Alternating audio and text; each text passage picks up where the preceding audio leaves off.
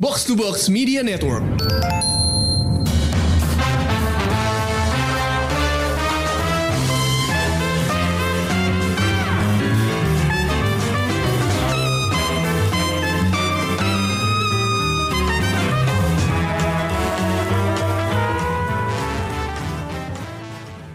Eh Amanda, lo tau gak sih kalau Keanu Reeves sekarang ternyata lagi nulis komik. Oh my god. Jadi Wow. our beloved John Wick kurang berbakat apa coba? Udah jadi aktor, udah. Dia pernah main musik juga kan ya kalau nggak salah ya? Iya dia ngeband. Iya ngeband, terus film produser ya of course, berantem jago. Sekarang nulis komik, gila gak sih? Jadi Wah. ini gue gak tau kenapa kita gue ngerasa dari sekian juta berita entertainment di luar sana gue memilih membuka podcast episode ini dengan berita Keanu Reeves lagi nulis komik. Gue gak tau kenapa, padahal gue bukan anak komik loh. Lo anak komik bukan? Eh, agak sih. Makanya gue sekarang jadi kayak tercengang gitu. Terus gue langsung buru-buru Google. Jadi katanya Keanu Reeves itu lagi eh, kerjasama bareng sama graphic novelis namanya Matt Kind Mhm. buat memproduksi 12 jilid komik eh, komik series ya judulnya Berserker tapi nggak Oh, ada. ya, yang Tapi- judulnya BRZKR. iya benar. Jadi itu kagak ada huruf eh, hidupnya tuh huruf mati semua. Kayak kayak BRZRKR. anak zaman sekarang gitu kan. Kalau nyingkat nggak ada huruf hidupnya gitu. Berserker eh, ini tuh 12 eh, issue ya 12 eh, terbitan gitu. Jadi emang limited series tentang seorang warrior eh, yang bekerja buat US government. Nah, Hmm. itu ngomong-ngomong soal warrior ini dia nih pembahasan kita hari ini. Jadi Disambung-sambungin aja gitu. Sambung-sambung cocok logi guys zaman kayak gini ya kan Eh, jadi abis dia ngomongin warrior gitu kan ya udah warrior nan jadi eh, di episode kali ini dengan pembuka yang sangat tidak nyambung itu gue sama Amanda emang gue sama Amanda emang bakal ngomongin warrior nan jadi ini series baru di Netflix Em, ada 10 episode eh, dan kita akan kupas tuntas lah ya. Nggak nggak tuntas kayaknya deh maksudnya kayak ya udah kita mau ngasih tahu aja pendapat kita gitu. Gitu kayak tuntas nggak ya? Nggak tahu. Gitu. Tapi mau kita dengerin dulu trailer dari eh, Warrior Nun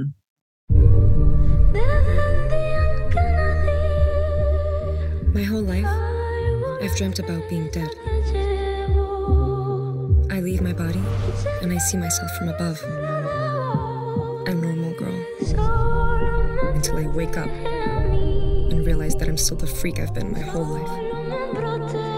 One thing I've learned since then life has a really fucked up way of making your dreams come true.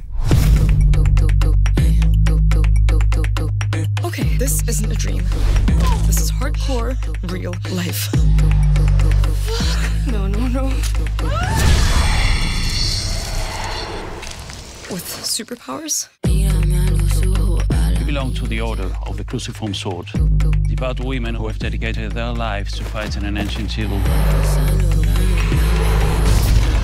Whoever bears a halo is a new champion, a warrior now. I'm sorry, can we maybe jump to the part where any of this has anything to do with me? Hell will rise up, heaven will fall. How did our greatest weapon against evil end up in an unbeliever? The Halo is a gift. You're God's champion.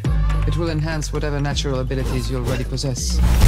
Ladies and gentlemen, we're entering a new era of enlightenment. Heaven does exist, because I discovered a gateway to it.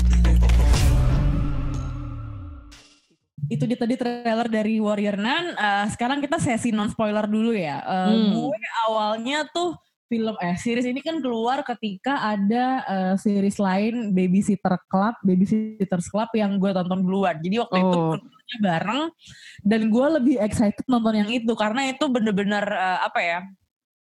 nostalgia lah, gue nostalgia dulu waktu kecil suka baca buku Babysitters Club dan gue relate dengan salah satu tokoh di dalamnya gitu kan. Oke. Jadi gue lebih semangat nonton yang itu. Akhirnya terus gue eh, penasaran dong dengan Warrior Nun karena eh, Warrior Nun gitu. It's such a judulnya aja udah provokatif gitu.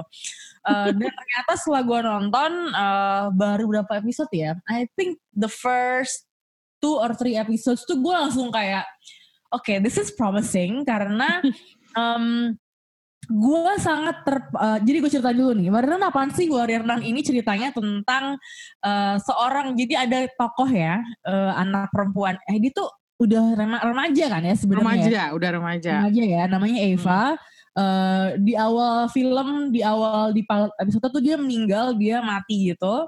Uh, dan dia di kembali hidup karena uh, disematkan di punggungnya uh, halo dari seorang suster gitu ya nah kita nggak hmm. tahu tuh awalnya ini apaan sih uh, ada orang mati gitu ya anak yatim hmm. piatu mati terus tiba-tiba ditempelin kayak holy artifact dari zaman kapan gitu yang lo baru tahu itu apa tuh setelah di episode berikutnya gitu kan. Jadi nggak langsung mm -hmm. tahu apa.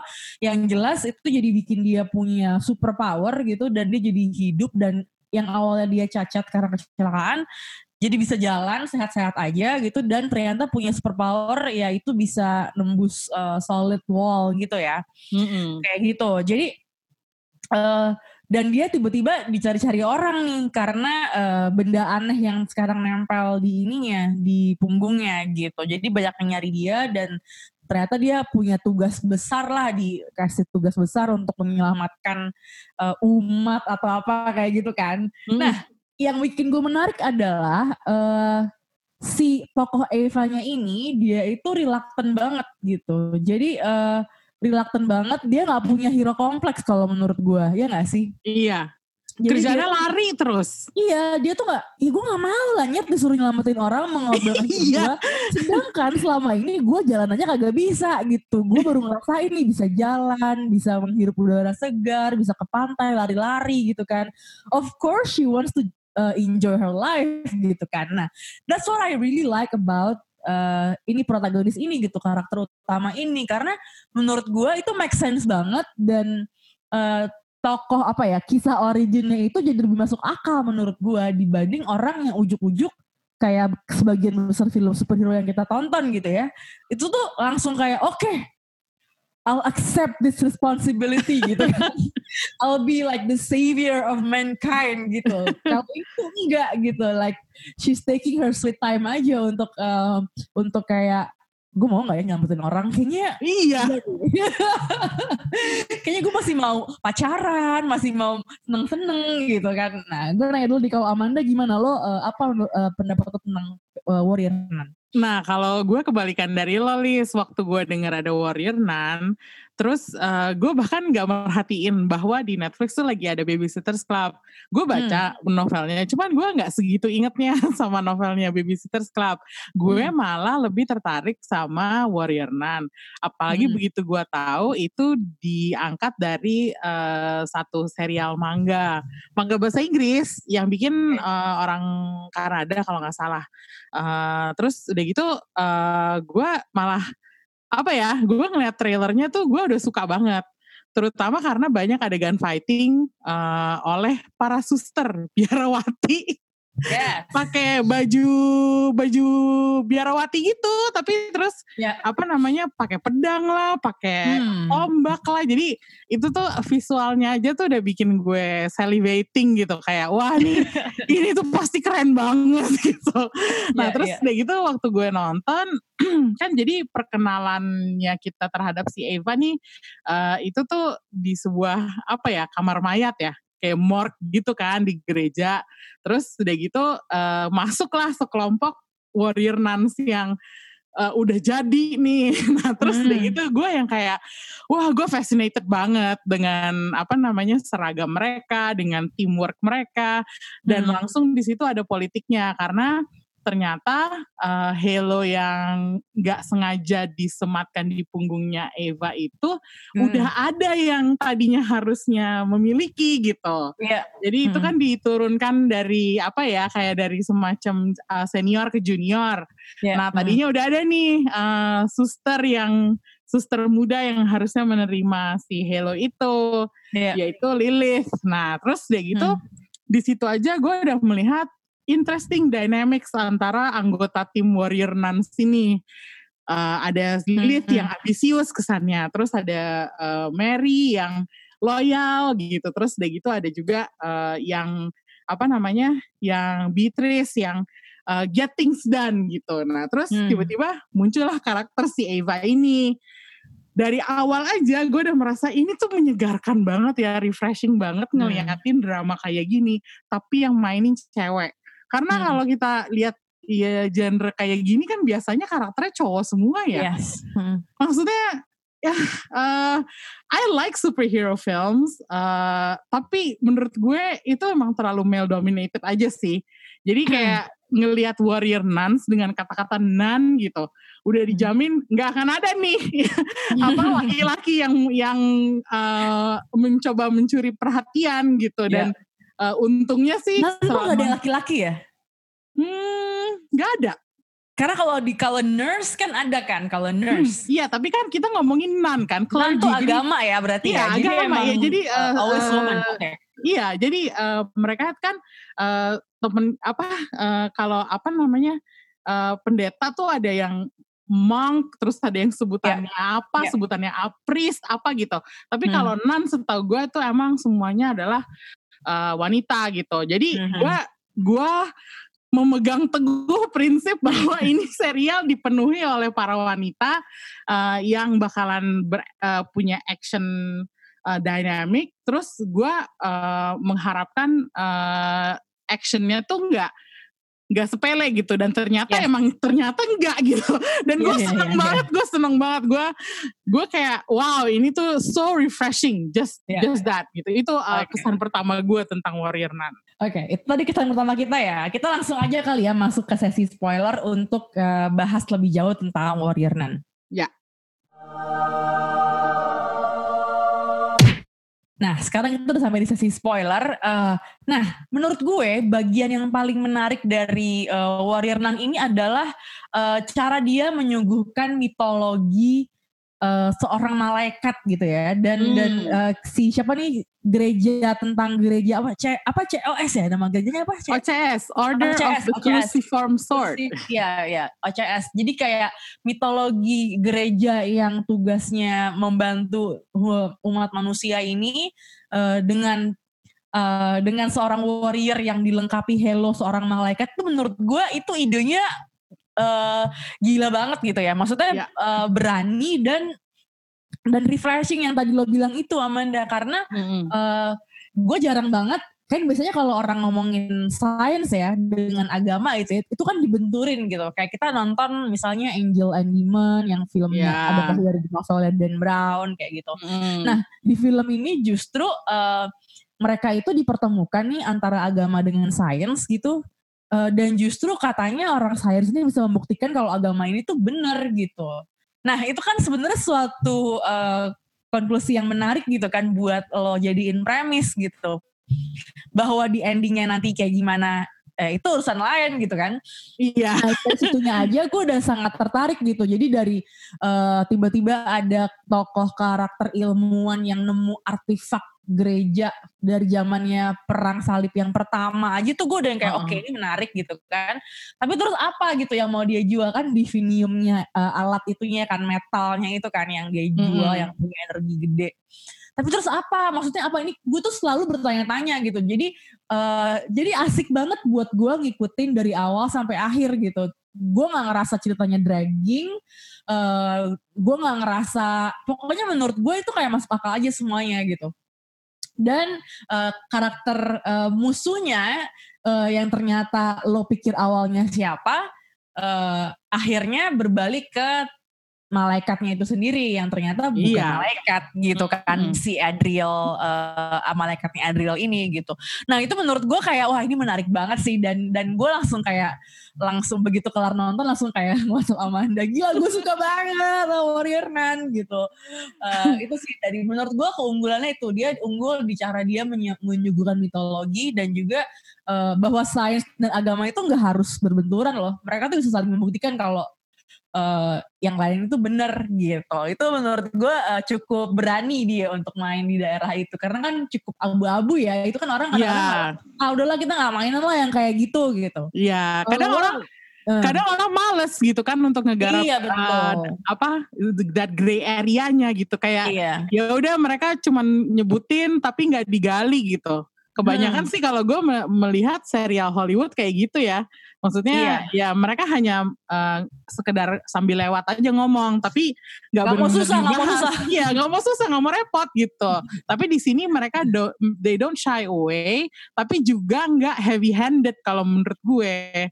Jadi mereka nggak Hmm. yang cekokin unsur sainsnya di Nah iya, eh, nggak ribet juga ya. gitu. Terus Hmm. unsur agamanya dikuat-kuatin gitu. Enggak juga gitu. Terus proporsional lah semuanya kalau Walaupun judul tiap episodenya itu kayak dari Alkitab ya. Jadi kalau lo orang muslim kayak gue, gue bingung nih. Apaan nih? Eh, Matthew 7.13 gitu. Apaan nih? Isaiah. Wah apaan nih? Gue kagak ngerti maksudnya apaan gitu. Gue pernah dengar Korintus gitu. Korintus pernah denger sih kayak kalau nggak salah. Cuma jadi kayak ya udah jadi judul judulnya apa gue nggak begitu merhatiin gue nggak tahu deh kalau lo gimana Kalau gue juga nggak paham. Tapi kalau menurut gue itu eh, salah satu hal yang eh, agak misleading kalau menurut gue jadinya. Hmm, iya, Jadi tuh? kesannya ke lo di, dikasih serial berjudul Warrior Nun. Eh, Iya. Judul-judulnya eh, merupakan ayat-ayat Alkitab. Tapi sebenarnya isinya tuh nggak nggak oh iya nggak ada hubungannya gitu.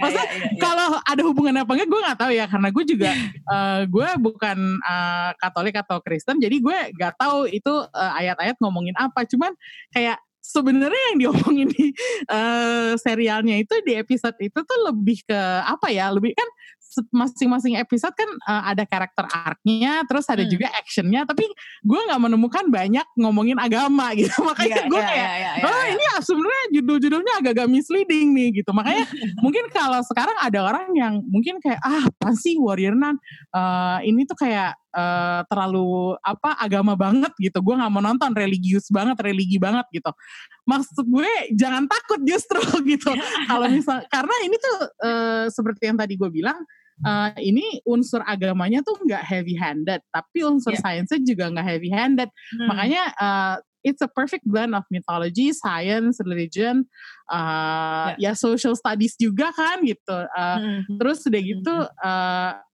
yang yang gue yang gue sekali lagi pengen tonjolkan adalah the gender roles itu uh, Hmm. sangat sangat menonjol gitu karena oke di sini ada karakter uh, pastor, ada Father Vincent, ada Iya. juga Kardinal Duretti yang sepertinya mereka itu man of power. Tapi kalau dipikir-pikir di sini di serial ini yang semuanya pegang peranan itu yang perempuan. Iya. Dari Mother Superior, dari Julian Salvius, uh, scientist yang menggunakan divinium untuk mengoperasikan mesinnya, terus uh, Eva, Lilith, uh, semuanya yang perempuan ini nih yang yang yang berperan. Makanya gue seneng banget sama serial ini, gitu.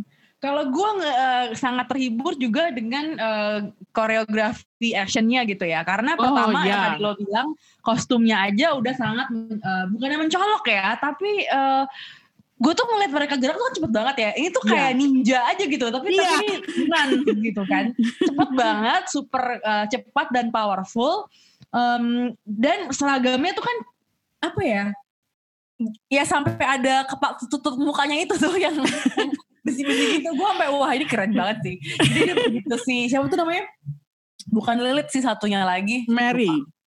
Bukan Mary. Kalau Mary kan shotgun Beatrice, Beatrice. ya. Beatrice. ah, yang mau mau berantem terus nutup muka dulu Iya. gitu kan. Wah gila sih gue sampai kapan lagi lo ngelihat orang menutup tubuhnya hanya untuk berantem gitu kayak mas gue mungkin itu terdeng- itu terkesan biasa dan gak penting gitu ya tapi kalau itu kan simbol sebenarnya simbol keagamaan yang disuguhkan dalam bentuk action aja gitu kan Iya, iya. Eh, dan itu jarang banget lo lihat gitu itu eh, gue suka banget sih dan kayaknya mereka tuh normal-normal aja gitu jalan ke kayak eh bukan stasiun sih yang dia mau naik ke kapal tuh apa ya? Kayak di pelabuhan Ah, dermaga. gitu kali ya ke dermaga dengan seragam item-item yang serem gitu ya bawa pedang gitu di punggung dengan dengan kepa- tutup kepalanya ala suster gereja gitu terus dengan nyari-nyari orang gitu kan kayak normal-normal aja tuh kayaknya orang-orang sekitarnya kagak ada yang keganggu gitu. Maksudnya kayak itu tuh kayak menurut gue suguhan yang menarik gitu. Kalau lo gimana?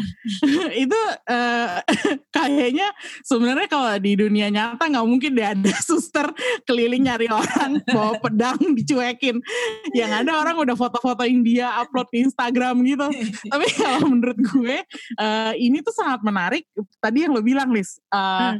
apa mereka menutup diri untuk berantem di mana-mana, di komik mana pun, biasanya perempuan itu kalau mau berantem justru mereka yang boobsnya tuh keluar. Terus mereka keluar pake, terus pakai pakai celana yang cuman seipit iya, gitu. Iya, pakai hot pants gitu.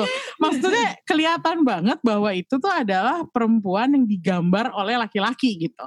Iya, Sementara Mel Gaze di, ya. Iya, nah di di Warrior Nun ini gue nggak tahu kalau uh, di mangganya di komiknya gitu. Uh, sepertinya kalau nggak salah tadi sempat gue baca sekilas ada semacam kayak kontroversi bahwa oh ini non non exploitation, jadi mengeksploitasi hmm. seragam nan gitu. Yeah. Tapi kalau menurut gue di serialnya cukup respectful karena uh, seragam nannya tuh nggak tipikal seragam nan yang hitam putih yang kayak kita biasa lihat di film-film kayak Sister Act gitu.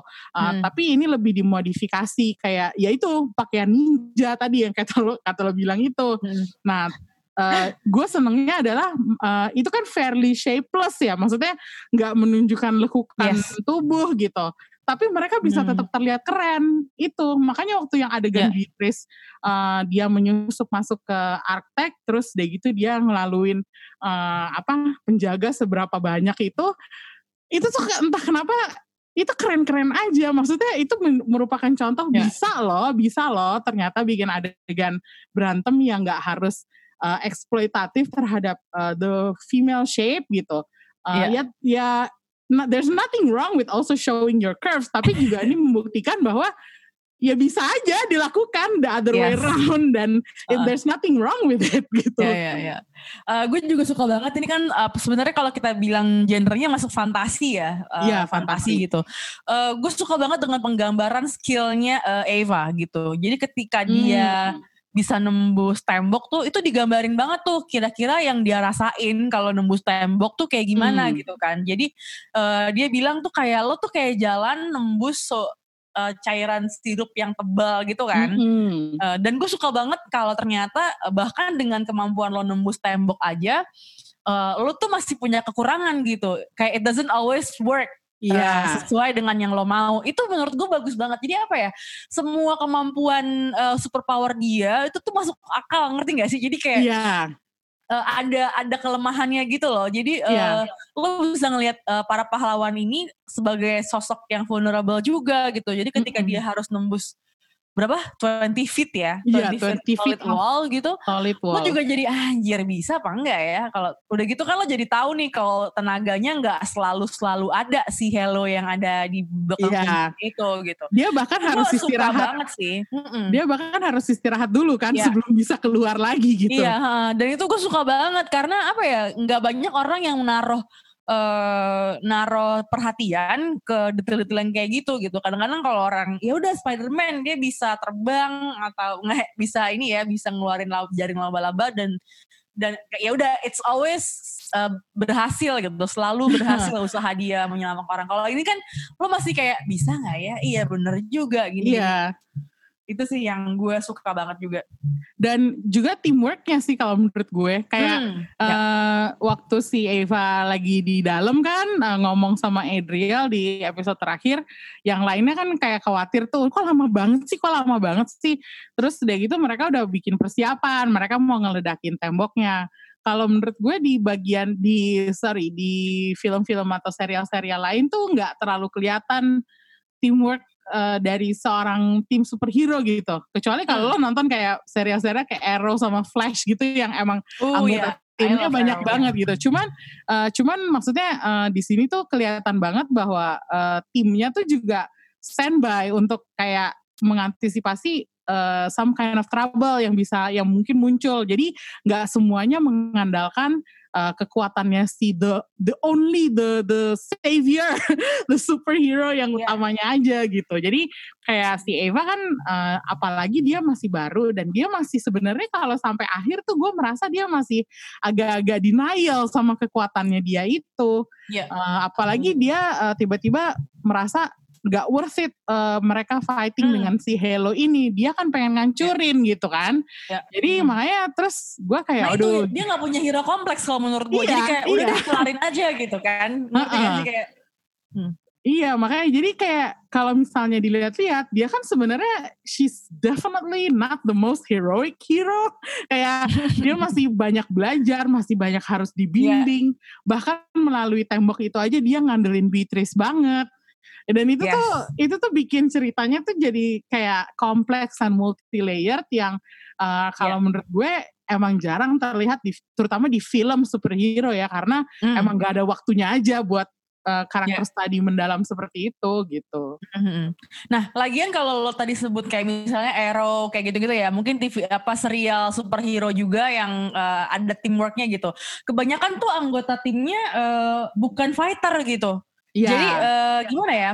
Uh, ada yang behind the desk gitu kan, ada yang kerjanya yang lain gitu kan. Tapi kalau misalnya kayak ini tuh semuanya emang bisa berantem, cuman yeah. emang yang punya Halo satu orang doang gitu. Yeah. Jadi ketika ada karakter kayak Lilith yang sempat uh, apa ya tercuri tersedot ke dimensi lain gitu.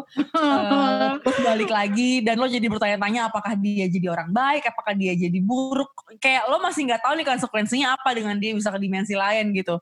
Terus ada yang kayak Mary ada yang kayak Beatrice gitu kan. Maksud gue itu bener-bener menarik banget dan semua orang punya kontribusi masing-masing yang nggak cuma sekedar sidekick gitu. Mereka punya yeah. powernya sendiri itu yang gue suka banget juga Iya, kalau menurut gue sih memang uh, masing-masing karakter pendukungnya tuh punya kelebihan masing-masing ya, punya kelebihan tersendiri yang akhirnya melengkapi uh, melengkapi cerita dan kekuatannya si Eva. Eva itu kan ya kayak lo bilang tadi, dia tuh reluctant hero, reluctant banget dan hmm. dia maunya menikmati hidup apa segala macam sampai dia harus diomongin sama Mary sama Beatrice sampai dia harus ngelihat pengorbanannya pengorbanannya Lilith dulu baru dia kayak agak ya. tersentak gitu kan hmm. jadi emang uh, orang-orang di sekitar ini tuh bukan cuman kayak apa ya bukan cuman kayak uh, sidekick atau bahkan disebut sidekick tuh nggak pantas banget kalau menurut gue. Because I see them they're they're a team gitu. They're they're like a solid team. Meskipun mereka ya banyak bickeringnya juga. Tapi ada satu satu kalimat ya si Mary yang ngomong uh, but you hate her. Terus si Mary bilang of course I hate her. She's my sister. Terus gue kayak oh iya itu benar juga sih. Karena lo iya, kayak yeah, yeah, yeah kayak karena sama saudara lo kayak berantemnya kan kayak makin makin gitu kan yeah. gitu jadi gue yeah, kayak yeah, yeah. gue suka aja sama kalimat si Mary itu dan itu bikin uh, Order of the Cruciform short, uh, shortnya itu jadi lebih uh, solid gitu kan uh, yeah. dan mereka benar-benar kayak they are not on the same uh, page aja jadi nggak nggak pada akhirnya semuanya akan kayak saling bantu tetap gitu itu yang mm -hmm. yang menurut gue itu bekal yang sangat kuat buat mereka going on for the next couple or even a few series lagi gitu. Jadi uh, mm emang kayaknya emang sengaja dibuat ajak biar uh, terusnya ntar nih gampang gitu. Mm -hmm. um, kalau yang nggak lo suka apa dari uh, Warrior Nun? kayaknya kalau yang nggak gue nggak suka itu adalah uh, endingnya terasa abrupt. Uh, hmm, kal okay. Kalau tadi gue baca wawancara dengan um, dengan showrunnernya uh, Simon Barry, Simon Barry ya? uh, itu hmm. uh, memang dia mengakui sebenarnya waktu ditulis naskahnya sebenarnya hmm. lebih daripada itu. Jadi lebih dari sekedar adegan terakhir di mana mereka ngadepin hmm. orang-orang hmm. yang udah dirasukin sama roh jahat itu loh. Nah, hmm. eh, Terus tiba-tiba mereka memutuskan untuk tidak memasukkan itu karena menurut Simon Barry itu uh, lebih lebih thrilling uh, hmm. kalau dibikin cliffhanger. Kalau gue nggak setuju hmm. karena gue karena kalau gue menurut gue endingnya jadinya kerasa kayak belum selesai aja. Maksudnya hmm. there's nothing wrong uh, dengan meninggalkan kayak it's okay to leave out some answers you don't have to answer hmm. everything di akhir hmm. season tapi kalau menurut gue caranya mereka meninggalkan uh, episode 10 itu agak gantung dan itu nggak enak banget sih kalau menurut gue. Hmm, ya yeah, it it feels a little bit too apa ya convenient aja gitu untuk kayak kelar gitu aja. Maksudnya kayak iya. uh, dengan plot twist yang karena kan kita dari awal dikasih cerita kalau uh, Eva ini nggak mau jadi warrior nan kayak gitu kan. Uh, mm -hmm. Now that she wants to do it gitu, jadi terus hilang uh, begitu aja gitu kan kira-kira alasan dia iya. uh, pindah ke jalan yang satu ini gitu ya nggak sih? Iya. Dan akhirnya tiba-tiba dia jadi kayak oh dia udah ready fighting nih. Terus udah gitu kayak ya udah mana um, yang mau di fight iya itu dia. Makanya jadi kayak kayak ada yang belum yeah. selesai aja uh, dan yeah, itu sayang yeah, yeah, banget yeah. kalau menurut gue karena build upnya tuh udah bagus banget. Uh, setuju sih gue. dan apa ya kalau menurut gue uh, bahwa terus tiba-tiba uh, si Adrielnya ini ternyata adalah the bad guy it's a good yeah. twist. Cuman Iya karena baru nongol di episode 10 ya. Jadinya kita kayak Iya benar, gampang banget kayaknya ah, untuk lo bikin karakter ini jadi jahat gitu kan. Iya, Apalagi jadinya Iya, kayak ada indikasinya Itu yang gitu. Tadi yang gue bilang ini convenient banget untuk endingnya lo kayak gitu doang gitu, kayak nggak bertanggung jawab aja kayak uh, lo dari awal udah menempatkan Duretti as the bad guy gitu ya karena nah, dia itu dia. kekuasaan which is a very interesting ini kan uh, antagonis gitu. Dia seorang bapak gitu uh, a, a holy figure buat suatu kelompok agama and then you make it as antagonis yang ternyata menyimpan rahasia berabad-abad yang bikin dia jadi powerful. Misalnya kayak gitu loh. Itu kan sebenarnya menarik banget Uh, hmm. Tapi terus jadi jadi switch nih, jadi kayak loh kok jadi orang ini si Angelnya jadi jahat, jadi kayak hmm. gitu. Dan itu cuma di it all happen in one episode kan? Ya gak sih? Iya. Gue salah, inget gak sih? Bener kan ya? 10 yang terakhir ya, doang gitu. 10. Uh-uh. Nah iya dan itu terlalu ya endingnya agak-agak terlalu ini. Jadi kayak perjuangannya Eva itu jadi kurang uh, paid off aja gitu kan? Iya, apalagi terus udah itu si Duretti ini kan udah uh, dia masukin uh, perempuan-perempuan yang jadi nan tapi yang tadinya mereka udah ditolak kan dari si OCS yeah. ini dan hmm. kayak kesannya wah udah jahat banget nih dia udah mengacaukan segalanya nih tapi iya. ujung-ujungnya yeah. waktu di konfront sama Mother Superior dia kayak hah kenapa gimana gitu jadi gue yang kayak hah kok jadi kayak gini sih terus yeah. tiba-tiba si Adriel dia uh, tahu segalanya gitu Betul. Uh, Jadi uh, iya. kayak shiftingnya terlalu terlalu, terlalu rough ya. Iya, shiftingnya terlalu abrupt dan terlalu sudden aja kalau menurut gue dan ya itu yang tadi lo bilang. Jadi mementahkan uh, mementahkan Duretti, mementahkan perjuangannya Eva juga. Yeah. Jadi kayak ya ya udah kalau misalnya angelnya ternyata yang jahat bisa apa dia gitu kan gitu. jadi udah dan ternyata father Vincentnya yang ternyata jahat juga atau enggak ya gue nggak tahu sih jahat ter, ya terpengaruh lah ya dia dengan uh, nah dengan, karena kan punya berubah berubah wujud dia tuh iya itu iya tuh. itu lo ngerti nggak kira-kira kenapa dia jadi berubah jadi jadi sebenarnya si uh, si Adriel ini dari awal dia sudah berhasil mempengaruhi Father Vincent uh, mm. melalui gimana pun lah caranya. Nah uh, itu tuh. Iya caranya itu kan yang kita juga kan tahu gitu. karena nggak dijawab gitu. Terus kayak gitu kayak uh, jadinya jadinya kayak si Father Vincent ini menjadi karakter yang sebenarnya uh, dibilang jahat juga nggak jahat karena dia memandu uh, para warrior nuns ini melakukan uh, the best course of action. Waktu hmm. si Adrielnya datang mau ngamuk, dia juga yang maju ke depan terus bilang bukan gini caranya gitu. Yeah, yeah, uh. Jadi dia kayak masih di tengah-tengah gitu loh. Almost like he believe in the devil in a good way gitu kan. Iya, kayak, iya. Kayak, kayak ini caranya kayak gitu. Iya, iya. Jadi kayak sepertinya, gitu ya. sepertinya dia tuh kayak uh, he made he made friends with the devil to save humans gitu loh. Yeah. hmm. apa sih mungkin ya nggak nggak tahu juga makanya Father yeah. Vincent ini karakter yang sangat menarik yang uh, gue udah tahu awalnya bahwa dia pasti kenapa-napa hmm. karena uh, waktu di adegan di mana dia traveling sama Mary terus nyari hmm. mapnya Vatikan terus yeah. dia kan tiba-tiba buka lengan baju terus wah tatoan gitu kan itu kan gila banget tuh gue oh yeah. kayaknya nih indikasi bahwa there's more to the eye uh, with yeah, Father yeah, Vincent yeah. gitu jadi gue merasa kayaknya ini indikatif bahwa dia akan melakukan sesuatu yang besar di akhir gitu. Yeah. Cuman ya itu dia masalahnya episode 10 Kecilnya doang kita. iya. Jadi tuh kayak sebenarnya kan uh, sebenarnya Father Vincentnya sendiri itu uh, karakter yang menarik kan. Tapi hmm. dengan shifting uh, shifting villain dari Duretti ke Adriel itu jadi bikin kita kayak bertanya-tanya itu si Father Vincent tuh maunya apa dan itu nggak terjawab dan itu salah satu hal yang bikin nggak enak kalau menurut gue. Ya, ya, ya, ya. Um, gue juga sebenarnya tertarik dengan karakternya itu yang dulu jadi uh, altar boy di Vatikan, terus berubah haluan jadi uh, siapa namanya? Gue lupa deh. Christian. Christian ya betul. Iya.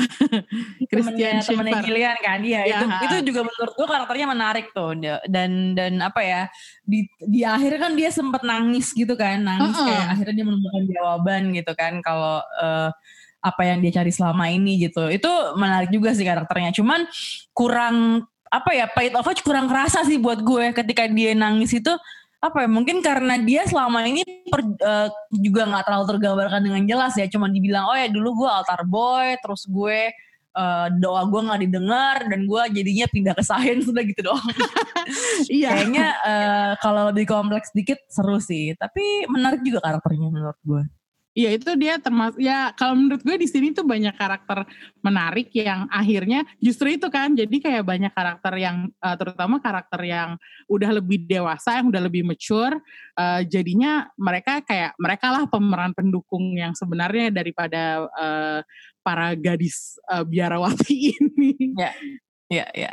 Jadi overall menurut gue kalau dibilang silly sih silly ya, tapi maksudnya uh, menarik banget dan iya maksud gue ya kan karakter-karakternya tuh gitu-gitu banget iya. kan, kayak uh, a tad comical gitu. Gimana ya uh. gue ngejelasinnya? Cuman uh, karena lo nggak pernah lihat yang kayak gini, uh, it's worth checking out uh, 10 episode aja gitu uh, durasi per episodenya sekitar 45 menit ya. Mm -hmm. uh, lumayan uh, lama sih, jadi kalau 10 episode ya kira-kira lo berapa jam lah itu.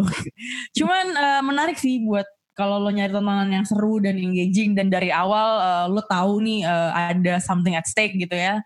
Uh, Warrior Nun, uh, ada lagi nggak Amanda catatan lain sebelum kita out? Hmm, nggak ada sih. Cuman uh, ini aja uh, warning aja uh, di bagian-bagian pertamanya Eva sempet kayak novel yang adult gitu. pakai pakai apa? uh, self narration gitu kan yang monolog oh, iya, iya, monolog iya. terus ada gitu. get that. Iya ya bener juga. Why do they do that? Aneh banget. Ada inner monolog terus dia jatuh cinta dengan uh, iya iya iya iya. Dengan seseorang cowok yang terus tiba-tiba ngilang Iya emang ini penulisannya emang agak-agak labil ya di awal-awal begitu. Terus di iya, akhir-akhir tuh nggak ada gitu udah iya. habis gitu. Hilang. Makanya gue sampai oh iya bener juga ya di awal-awal tuh dia kayak ada narasi-narasinya gitu.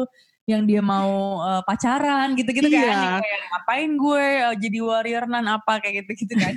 Ya sebenarnya kontribusinya ke situ sih ke menunjukin iya. bahwa uh, dia emang sendiri dia emang oh gue nggak mau banget deh menyelamatkan umat manusia. Gue cuma pengen hidup doang. Ya, ya, ya, ya. maksudnya itu kayak itu adalah mixing of genre. Kalau menurut gue ada ada sci-fi-nya ada actionnya ada dramanya ada religinya tapi ada juga yang adultnya gitu. Yes. Oke, itu dia tadi review kita tentang Warrior Nun uh, di Netflix, uh, rilis dari tanggal 2 Juli. Uh, jadi sekarang udah terus saja bisa ditonton. Um, next, kita lagi mau bahas apa ya? Emang lagi nonton apa nih? Cursed. Cursed ya, uh tentang witch juga ya. Uh -uh. Oke okay, oke okay, oke. Okay. Kita akan bahas mungkin di episode depan kali ya tentang Curse. Terus uh, lagi kangen banget ke bioskop, cuman ya belum bisa buka bioskop. Bioskop belum bisa buka ya karena PSBB masih berlanjut. Dan kayaknya kalaupun buka, uh, ntar dulu deh. Uh, gue mikir dulu gitu kan. uh, ya udah, thank you banget udah dengerin Showbox. Bye bye semua.